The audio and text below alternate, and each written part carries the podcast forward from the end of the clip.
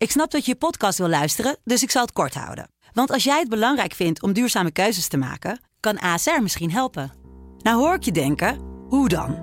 Nou, bijvoorbeeld bij het duurzaam herstellen van schade. Of de premies die we beleggen volgens ons duurzaam beleggingsbeleid. Dat bepaalt waar we wel en juist niet in investeren.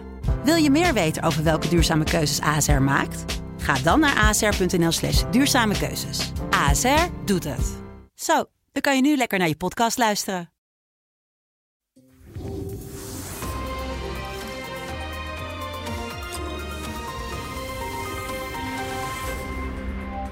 Welkom bij het gesprek met Paul Jansen, hoofdredacteur van de Telegraaf. Waarmee we wekelijks bespreken wat hem bezighoudt in het nieuws. Paul, we kunnen er niet omheen. We zitten met een hele grote conflict. Uh, sinds de Tweede Wereldoorlog hebben we niet zo'n groot conflict gehad in Europa. En dan, uh, wat ik dan wel fascinerend vind, is dat voor mijn gevoel in mijn jeugd Oekraïne was Sovjet-Unie. Dat was heel ver weg. Je wist eigenlijk amper dat dat bestond. Ja. Uh, door Tsjernobyl werd dat destijds wat duidelijker dat je, dat je Oekraïne had. En nu uh, zien we dat collectief als een soort van Europese oorlog. Ja, we hebben natuurlijk wel uh, de oorlog in voormalig Joegoslavië gehad. Hè? Ja. Ook geen kinderachtig conflict. Nee. Maar toch alweer ruim twintig jaar geleden. En dit is sinds, sindsdien wel de eerste grote majeure interstatelijke oorlog. Je hebt natuurlijk Georgië ja. gehad. Uh, waar Rusland ook uh, is binnengevallen. We hebben natuurlijk de Krim gehad in 2014. Uh, en het oosten van Oekraïne, waar al militaire acties plaatsvonden. Ja, en natuurlijk MH17. MH17-ramp hield daar ook verband mee. Maar, maar, maar zo'n zo tota zo totaal conflict waarbij twee landen vol ja, volle bak met elkaar botsen, ja, dat, is, uh, dat, is dat, is, dat is lang geleden. En je ziet ook aan alle reacties dat iedereen uh, daar wel uh, heel erg van, van is geschrokken. En tegelijkertijd verbaast me dat dan weer wel. Kijk, ik snap dat, dat, dat politici in het Westen nu, en dat hoort ook bij een rol, verontwaardigd zijn. scherp veroordelen, want laten we wel wezen, wat, wat Poetin daar aan het doen is, dat, dat kan natuurlijk helemaal ja. niet. Uh, maar hij doet het ondertussen wel. En het is eigenlijk gek genoeg ook niet echt een totale verrassing dat dit gebeurt. Want dit zat er al toch enige tijd aan te komen. En met name ook, uh, en dat mag je in, uh, in Europa deze dagen niet zeggen, hè, want dan ben je meteen verdacht. Ja. maar Europa heeft natuurlijk ook de laatste jaren een aantal stappen ondernomen die de Russen toch deze kant op hebben gedreven. En ja. hoe, hoe belangrijk het ook is om, om te zeggen dat deze oorlog uh, op geen enkele manier te rechtvaardigen is. Ja. Dat Poetin een, een, een, een botte geopolitiek navoert. En zijn invloedssfeer uh, probeert uh, te vergroten. Moeten we toch ook in het Westen, en ik mis dat deze dagen echt wel fundamenteel. wel ook naar onszelf kijken en de rol die de landen hier hebben gevoerd de, de, voorbije jaren. In ook diezelfde geopolitiek Ja. naar het oosten toe. Nou, waar de verbazing misschien een beetje zit, is dat die, uh, door, die, door die omsingeling had iedereen zoiets van, nou weet je, we moeten maar echt heel voorzichtig zijn en, en niet meer een te grote broek aantrekken. Ja. Het daadwerkelijk overgaan op die invasie, dat daar misschien een beetje de verbazing zit. En dat het niet bij zo'n bufferzone gebleven is. Nee, dat, dat, oké, okay, maar dat is al, uh, al, al lange tijd vanuit Moskou is dat aangegeven. Ja. En, en het Westen dacht kennelijk dat het bluff was. Ja. Uh, kijk, Poetin is natuurlijk wel een, een, een machtsrealist, dus die heeft heel, heel goed gekeken van uh, wat, wat is de tol die ik ga betalen. Nou, het Westen heeft van, meet af aan duidelijk gemaakt, en ik denk dat dat op zich wel ook wel terecht was, dat ze zeggen wij gaan hier zelf geen niet-militair in, in betrokken Nee. raken. Dus er is van meet af aan is er ge- geschermd met sancties. Ja, dan wordt het voor een, uh, een machtswellusteling als Poetin wordt het dan een rekensom. Ja. En hij heeft kennelijk de rekensom gemaakt. Uh, en gedacht, nou ja, ik, ik, ik moet toch deze, deze, deze aanval uh, inzetten. En, um, maar als je even kijkt wat de laatste jaren gebeurd is, ook met name naar die gebeurtenis in 2014, hè, met Oekraïne, en dat is ook wat Poetin nu, nu steeds uh, heeft aangegeven, dat uh, Oekraïne... Die associatieperiode, zeg maar. Ja, maar historisch gezien is, is Oekraïne... Ik, ik geloof dat Poetin noemt Oekraïne een, een, een, een bedenksel uh, in, in het kielzog van de Oktoberrevolutie in 1917. Ja. Hij gaat honderden jaren terug, allemaal, allemaal merkwaardige verhalen. Maar het geeft wel iets aan, uit, zijn, uit zijn denkwereld. Omdat Oekraïne natuurlijk heel lang gewoon niet heeft bestaan. En Nee. eigenlijk ook pas weer na het uit, uit, uiteenvallen van de Sovjet-Unie als onafhankelijke staat naar boven is gekomen. En toen heeft het Westen gedacht, hé, hey, dat is interessant. daar moeten wij, die moeten wij in onze ja. invloedssfeer trekken. En hoewel Oekraïne, net zoals Georgië trouwens, nog geen lid was van de NAVO... Uh, er werd wel heel erg aangeschurkt tegen een, een nauwere band met het Westen.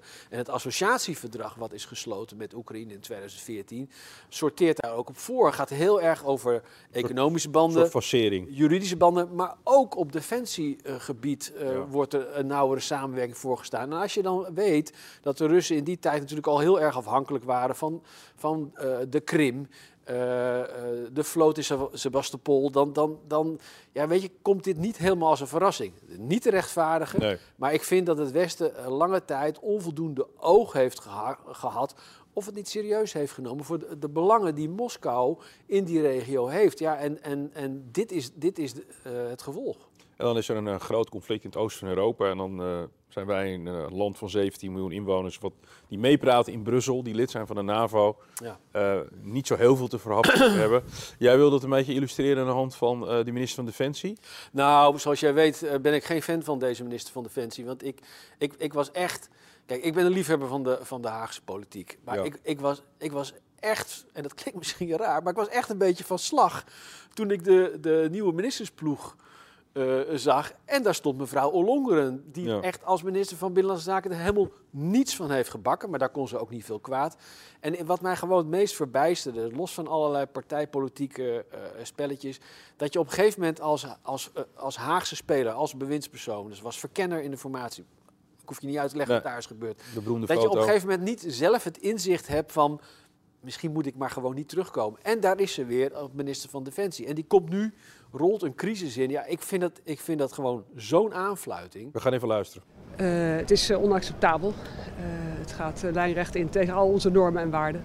Het is een illegale daad. Wat gaat Nederland nu doen? We gaan er nu over praten. We gaan natuurlijk als Nederland, als bondgenoot in de NAVO met de andere bondgenoten overleggen, maar dit zal niet onbeantwoord blijven. Uh, Poetin heeft werkelijk alles wat wij hebben geprobeerd om dit te voorkomen, heeft hij aan zijn laars gelapt. Wij gaan nu overleggen met elkaar, er zal ook in Europees verband veel worden overlegd. Maar er, hij zal hier de gevolgen van ondervinden. Daar komt Nederland meer hulp te geven aan Oekraïne dan al was toegezegd? Uh, over alle praktische zaken gaan we nu eerst praten. Daar komen we straks op. Nou, mevrouw dit, was, uh, dit was gisteren. Mevrouw Ollongren waarschuwt nog één keer. Nou, ja. Dat uh, Poetin daarvan onder de indruk is. Maar ja. ik vind het, het is gewoon, eh, ik, dit is gewoon niet geloofwaardig. Nee. Ook met dat het, het over wij dit, wij dat. Uh, en natuurlijk kan je zeggen, ja, maar ik, ben, ik, ik praat die naam niet namens mezelf. Maar ik praat namens het kabinet. En het kabinet is ook rechtsopvolger van de vorige kabinet. In die zin kan je van wij spreken. Maar dit, dit, is totaal, totaal ongeloofwaardig. Net zoals je uh, een collega-minister, toevallig ook van D66, Jette, dingen hoorde zeggen over de gasprijs. het is, en dat vind ik wel problematisch van deze kabinetsploeg. Het zijn heel veel mensen die een soort stoelendans hebben gedaan. nadat ze in het vorige kabinet op allerlei dossiers de boel totaal uit een, uit een uit een kladde hebben laten vallen, die nu gewoon weer terugkeren. En, en, en we rommelen nu met z'n allen een crisis in en dan moeten deze mensen het voortouw daarin gaan nemen. Ik vind dat geen geloofwaardig verhaal. Je moet nu wel doortastend zijn. Um, en, maar, eh, maar, tegelijkertijd, weet je, kijk eens even naar het verschil hoe het Westen omgaat met zo'n zaak hier als Oekraïne. Of hoe het Westen omgaat met uh, bijvoorbeeld Taiwan en China. Ja. waar natuurlijk uh, veel meer die gevoeligheden lange tijd wel zijn erkend. En Ehm, ik ben heel benieuwd en ook wel heel erg bezorgd wat dan de volgende stappen van het Westen zullen zijn. Want ga je, ga je, sancties gaan, gaan pijn doen, hè? die gaan Rusland echt wel raken. Maar ja, daar is geen weg meer terug voor, uh, voor Poetin. En, en wat ga jij dan uh, als het Westen doen? Want als het klopt, wat in het verleden is aangegeven, vooral, ik noem maar, wel, noem maar bijvoorbeeld door Halbe Zelstra in zijn niet bestaande aanwezigheid in die Dacia. Ja. Waar uh, toen al werd verkondigd, want de anekdote had hij geleend, maar de anekdote klopte... Aan iemand van Shell, meen ik me te herinneren? Ja, ja. De anekdote klopte wel dat Poetin toen al, dus jaren geleden had gezegd... over die voormalige Sovjet-republieken, dat hij die eigenlijk wel weer terug wilde hebben. En dat was niet alleen Oekraïne, maar dat gaat bijvoorbeeld ook over de Baltische Staten. En jij weet, de Baltische Staten zijn lid van de NAVO. Ja. En een aanval op één lidstaat van de NAVO is een aanval op alle. En voordat je het weet, dus, uh, uh, hebben wij dan wel een hele andere situatie.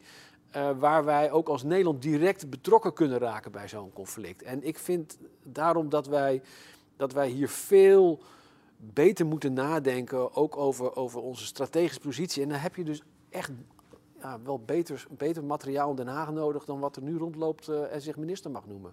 Dankjewel. Graag gedaan.